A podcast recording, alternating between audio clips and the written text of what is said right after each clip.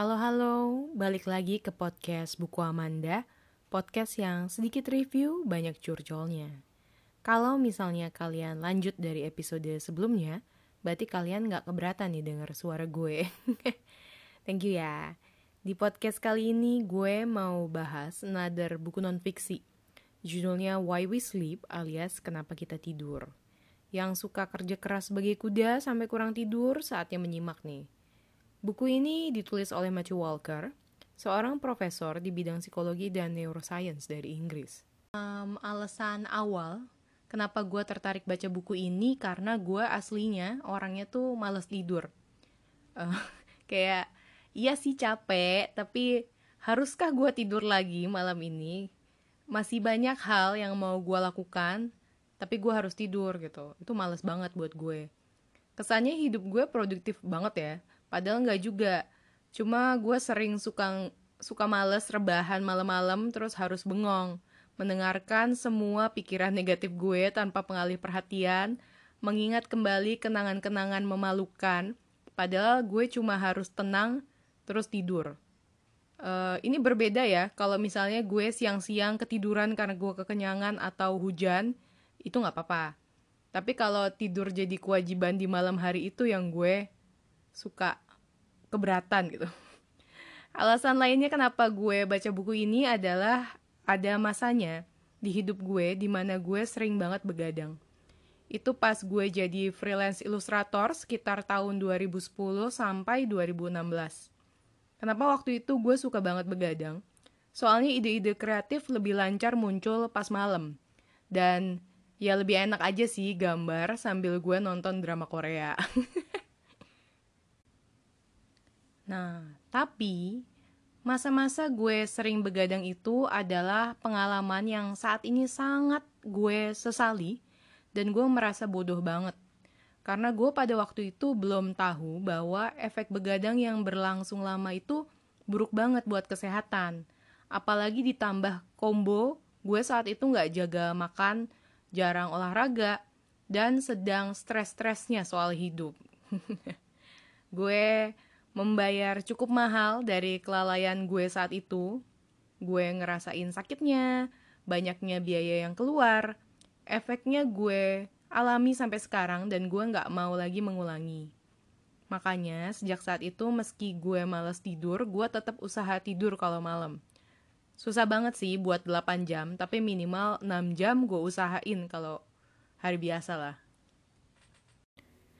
Jadi di podcast kali ini gue mau bahas bagian favorit gue dari buku Why We Sleep by Matthew Walker, yaitu tentang fase-fase dalam tidur dan apa manfaatnya, uh, lalu tidur yang berkualitas itu seperti apa, serta bahasan filosofis tentang tidur. Uh, menurut kesimpulan gue dari buku Why We Sleep, tidur yang berkualitas itu bergantung pada tiga hal yang saling mempengaruhi. Yang pertama itu berapa lama kita istirahat. Yang kedua, tentu saja kondisi tubuh dan lingkungan kita saat itu, apakah cukup tenang, suhunya cukup baik, apakah kita sedang ada kondisi yang mengganggu tidur, misalnya kita lagi flu terus napasnya jadi susah. Dan yang ketiga, seberapa lengkap fase tidur yang dilalui oleh otak. Jadi namanya tidur gak asal tidak sadarkan diri saja ya, wahai Ferguson dan Mercedes. Ada dua fase utama yang perlu dilalui oleh otak kita selama tidur agar otak dan tubuh kita tuh bisa berfungsi dengan optimal keesokan harinya dan seterusnya. Yang pertama fasenya adalah REM atau Rapid Eye Movement dan yang kedua adalah NREM atau Non-Rapid Eye Movement. Yang selanjutnya akan gue sebut sebagai REM dan NIREM biar lebih gampang nih gue jelasinnya. Rapid Eye Movement atau REM atau REM adalah fase tidur di mana pupil kita biasanya bergerak-gerak. Pupil tuh yang bagian hitam dari mata kita guys. Jadi misal kalian pernah ketemu atau lihat orang yang kalau tidur matanya kebuka sedikit. Gue nggak tahu ya kenapa bisa gitu. Kebetulan ponakan sama kakak gue kayak gitu sih. itu kalian bisa ngeh bahwa kadang matanya gerak-gerak padahal mereka mendengkur atau ngorok gitu ya. Nah itu mereka bukan berarti lagi bohong ya. Jangan dicolok meski kalian tergoda. mata mereka gerak-gerak karena kemungkinan besar mereka sedang menjalani fase tidur REM di mana mereka bermimpi. Nah, kalau NIREM atau non-rapid eye movement adalah fase di mana seseorang tidur tanpa mimpi. Dan ini biasanya dikenal sebagai fase deep sleep alias tidur nyenyak.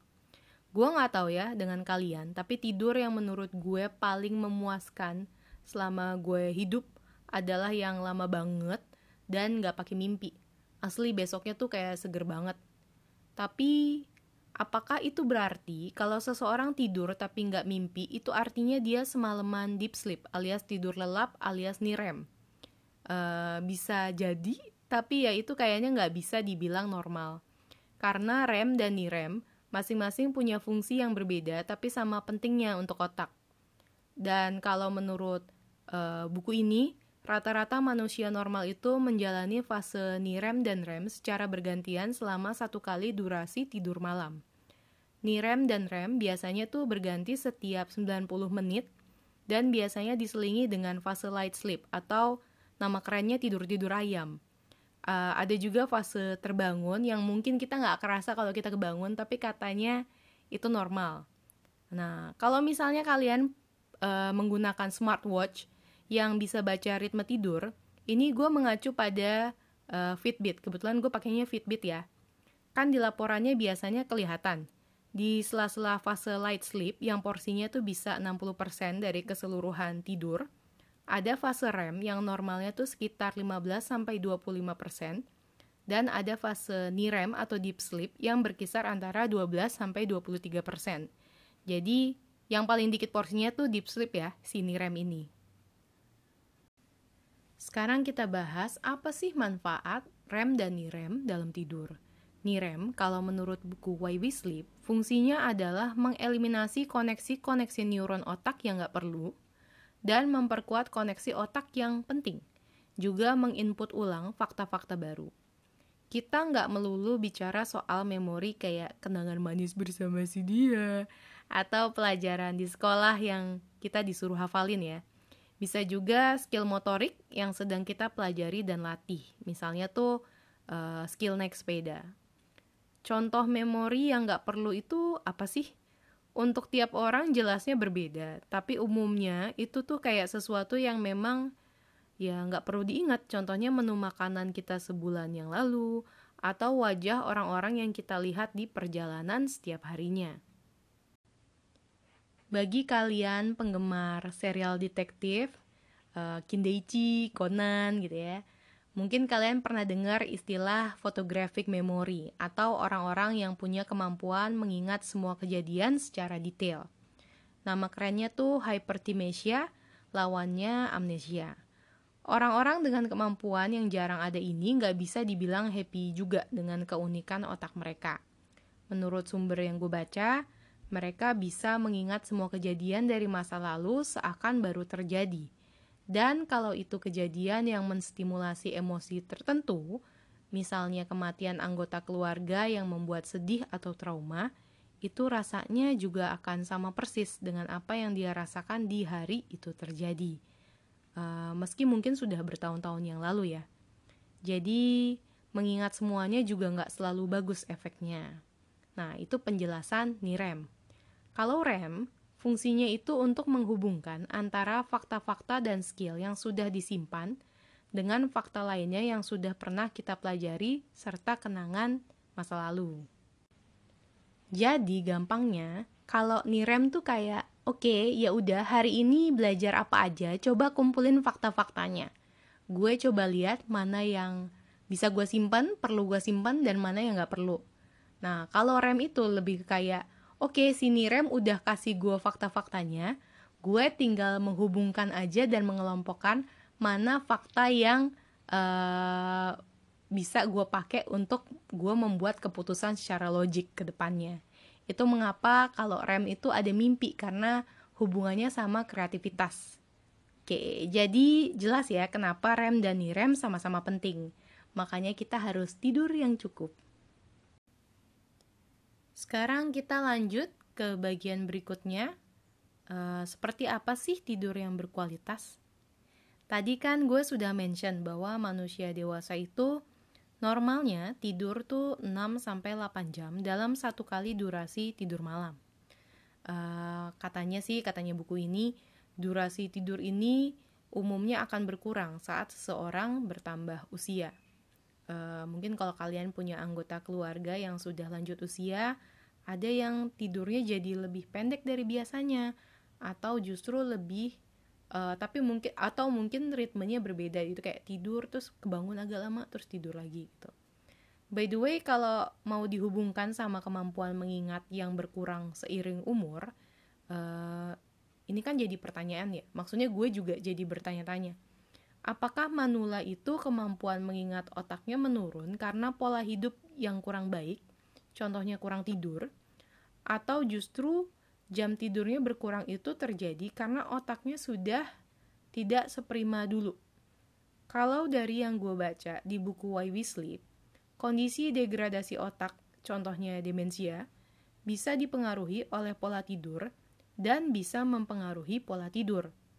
Ada juga disebutkan bahwa ada keunikan tersendiri di pola REM dan NIREM pasien demensia yang bisa dijadikan deteksi awal demensia. Tapi kurang tidur nggak bisa dibilang sebagai satu-satunya penyebab dan akibat dari kehilangan memori atau kehilangan fungsi otak. Uh, demensia bisa disebabkan faktor-faktor lainnya seperti genetik, pola makan, atau juga kondisi psikologis. Uh, jadi kalau gue simpulkan, balik lagi untuk mencegah atau memperlambat efek uh, dari kehilangan fungsi otak, sebisa mungkin ya kita harus tidur cukup, makan sehat, olahraga, dan hidupnya diusahakan tentram. Oke, ngomongin soal durasi tidur, gue sendiri susah banget untuk bisa 8 jam. Biasanya gue 6 jam udah melek. Terus gue terpaksa bangun karena pencernaan gue sudah aktif. Dan itu artinya gue sudah sakit perut, panggilan alam, dan abis itu biasanya gue lapar. Too much information ya. Nah tapi kalau dari pengalaman pribadi gue kadang saat dicek di laporan ritme tidur uh, meskipun tidurnya 6 jam lebih dikit lah biasanya gue kadang suka nggak mendapatkan cukup deep sleep. Uh, jadi kan biasanya, jadi kan kalau tadi gue mention deep sleep itu atau NIREM itu kan normalnya 12 sampai 23% dalam satu kali durasi tidur ya. Nah, gue kadang kurang tuh. Nah, tapi setelah gue lihat-lihat lagi, itu biasanya adalah malam di mana gue bias gue takut gara-gara abis nonton video supernatural gitu di YouTube setan-setan. Jadi gue tidurnya sambil terang-terang nyalain lampu. Bagi kalian yang heran gitu, kok Manda sukanya science tapi masih kepikiran hal-hal supernatural. Gue punya teori dan dugaan sendiri terkait ini ya guys gitu. Gue yakin banget soal ini. Tapi gue belum mau share sekarang. Tapi one day I will. I mean kalau hostnya bilang kupingnya nging gitu karena ada energi yang mau komunikasi energi gitu kan. Sulit banget loh buat gue berpikir bahwa gue mungkin cuma gejala tinnitus saat kuping kiri gue nginging gitu malam-malam. Kan otak gue yang uh, berhayal sering berhayal ini jadi menampilkan visual-visual gitu ya saat gue merem. Kan jadi takut. Uh, makanya gue gue masih mengutamakan tidur ya. Jadi gue meski kurang berkualitas nggak apa-apa di asal gue tidur. Jadi gue nyalain aja lampunya dan pasang instrumen gitar gitu biasanya biar gue lebih rileks. Uh, tapi setelah gue pikir harusnya gue pakai penutup mata aja biar hantunya aja yang silau-silau gue nya deep sleep. Oke oke. Ya udah ya udah. Abis ini gue beli penutup mata deh. Ya udah anyway uh, jadi ya tidur yang berkualitas itu dipengaruhi juga oleh cahaya suhu dan kondisi kasur gitu atau kondisi tempat kita berbaring. Biasanya kan kalau kasurnya bolong atau spraynya pliket gitu ya keringat dan gatel bakal lebih susah tidurnya kalau kata si buku Why We Sleep, idealnya tuh tidur dalam keadaan suhu yang cukup dingin tapi nggak dingin-dingin amat, sama dalam keadaan gelap. Otak kalian berasa dicintai banget deh kalau kalian begini. Coba cek juga lampu-lampu tidur yang soft buat otak, atau ya itu pakai penutup mata alias sleep eye mask. Apakah kalian bertanya-tanya, apa sih yang dibutuhkan agar seseorang mengantuk dan bisa tidur? Kalau menurut buku Why We Sleep secara biologi, ada dua hal yang menentukan kapan kita mengantuk. Yang pertama itu circadian rhythm dan uh, yang kedua zat kimia di otak bernama melatonin.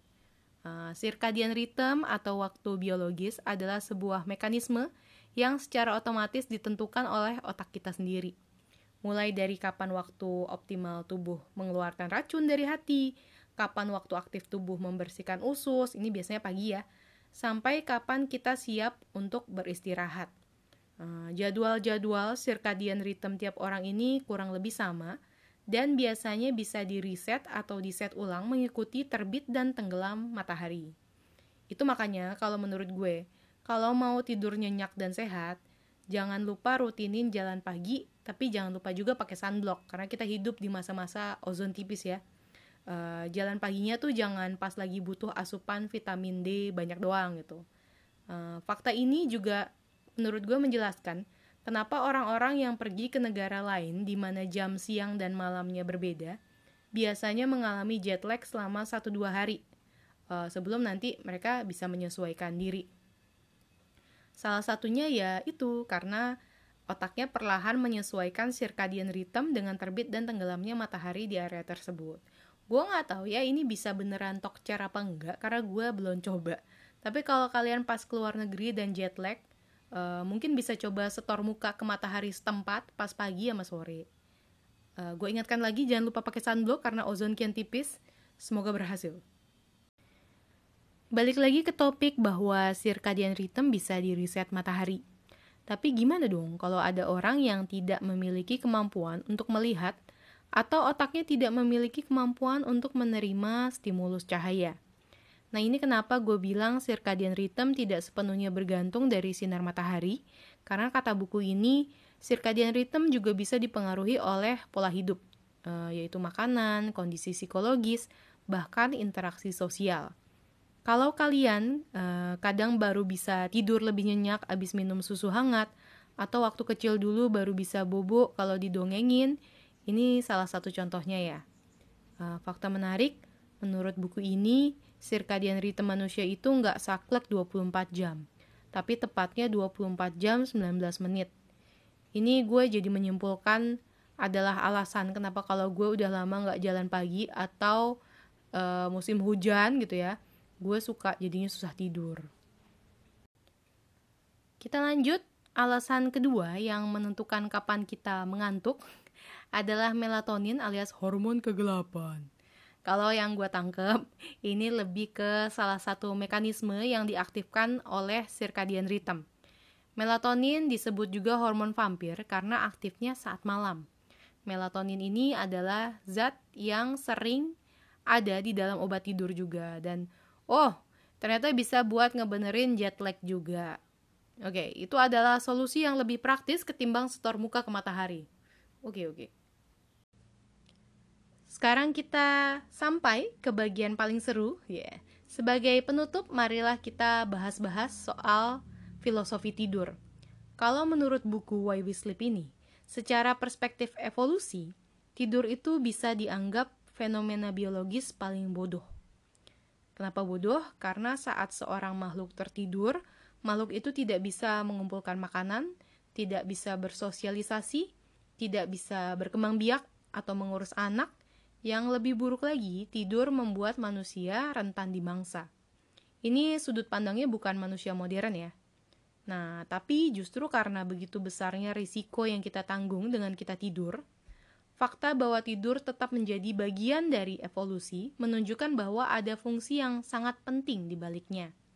Uh, yaitu salah satunya yang sempat gue jelaskan di awal, fase NIREM dan REM yang mengatur kemampuan otak kita untuk menyimpan info dan menghubungkan logika. Bahkan faktanya, menurut buku ini, tidak ada satupun organ tubuh manusia atau proses di dalam otak yang tidak diuntungkan dengan adanya tidur.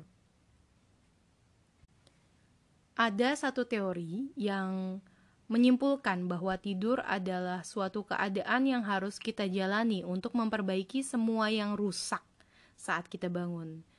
Uh, maksudnya kan saat kita beraktivitas, kita jadi berpotensi lebih besar terpapar radikal bebas, uh, kena sinar matahari, kena mecin gitu, patah hati, stres. Itu kan pasti ada sel-sel yang mati. Itu patah hati mungkin bukan sel doang yang mati, ada ada hal lain yang mati kan. Tapi uh, itu semua lebih banyak terjadi saat kita bangun kan. Tapi saat kita tidur, yang gitu-gitu tuh bisa dikurangin Nah, terus dari teori ini disambungkanlah ke argumentasi lainnya. What if sleep is so useful, so physiologically beneficial to every aspect of our being, that the real question is this, why did life ever bother to wake up? Jadi kalau tidur itu sebegitu bermanfaatnya untuk tubuh kita, eh, bangun itu sebegitu merusaknya, Kenapa manusia memutuskan untuk bangun? Kenapa kehidupan memutuskan untuk bangun?